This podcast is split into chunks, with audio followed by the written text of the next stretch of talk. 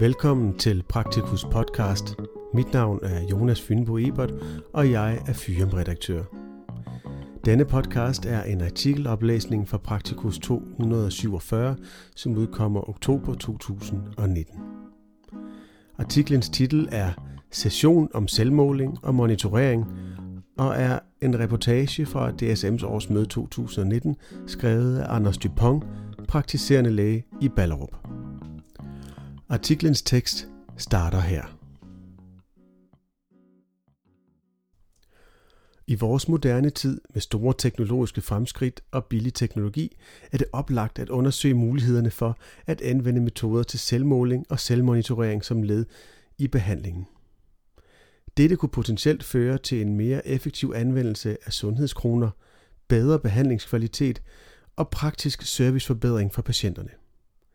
Det er noget, som er værd at tilstræbe i et sundhedsvæsen, som er tiltagende presset af et stigende antal behandlingskrævende patienter. Men teknologien kan også være en faldgruppe med øget rapportering af ligegyldige observationer, som kan medføre overdiagnostik og overbehandling. I sessionen blev vi introduceret til forskellige metoder til selvmonitorering. De mest tilgængelige værktøjer er mobiltelefon og smartwatches. Der findes efterhånden et bredt udvalg af sundhedsapps, der enten opsamler data automatisk eller ved indtastning. Data kan fx være vægt, EKG og aktivitetsmåling. En livsstilsapp kaldet Liva, som er blevet implementeret i flere kommuner i Danmark og udvalgte områder i England, blev fremvist som smagsprøve på, hvad fremtiden kan bringe. I denne app kommunikerer man med sin personlige helbredsrådgiver i kommunalt regi.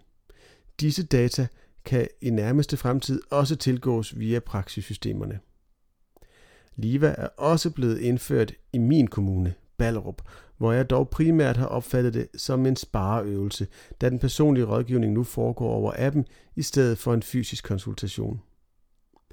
Efter min overbevisning skal teknologien primært indføres for, at bedre sundhed og en eventuel besparelse må være en sekundær gevinst.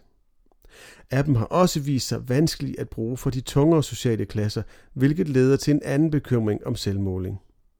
Der skal være en forståelse hos patienten af selve målprocessen. For eksempel at hvile inden blodtryksmåling er en forudsætning for brugbare data. De forskellige studier har haft svært ved at vise en effekt på sundheden.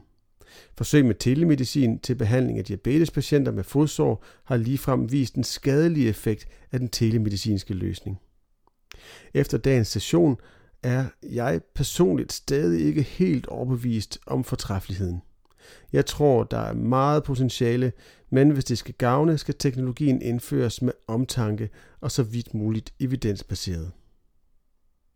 Oplægsholderne på sessionen var Karl J. Brandt, praktiserende læge og Ph.D. fra Syddansk Universitet, og Steffen Rår Wagner, lektor på Institut for Ingeniørvidenskab Aarhus Universitet.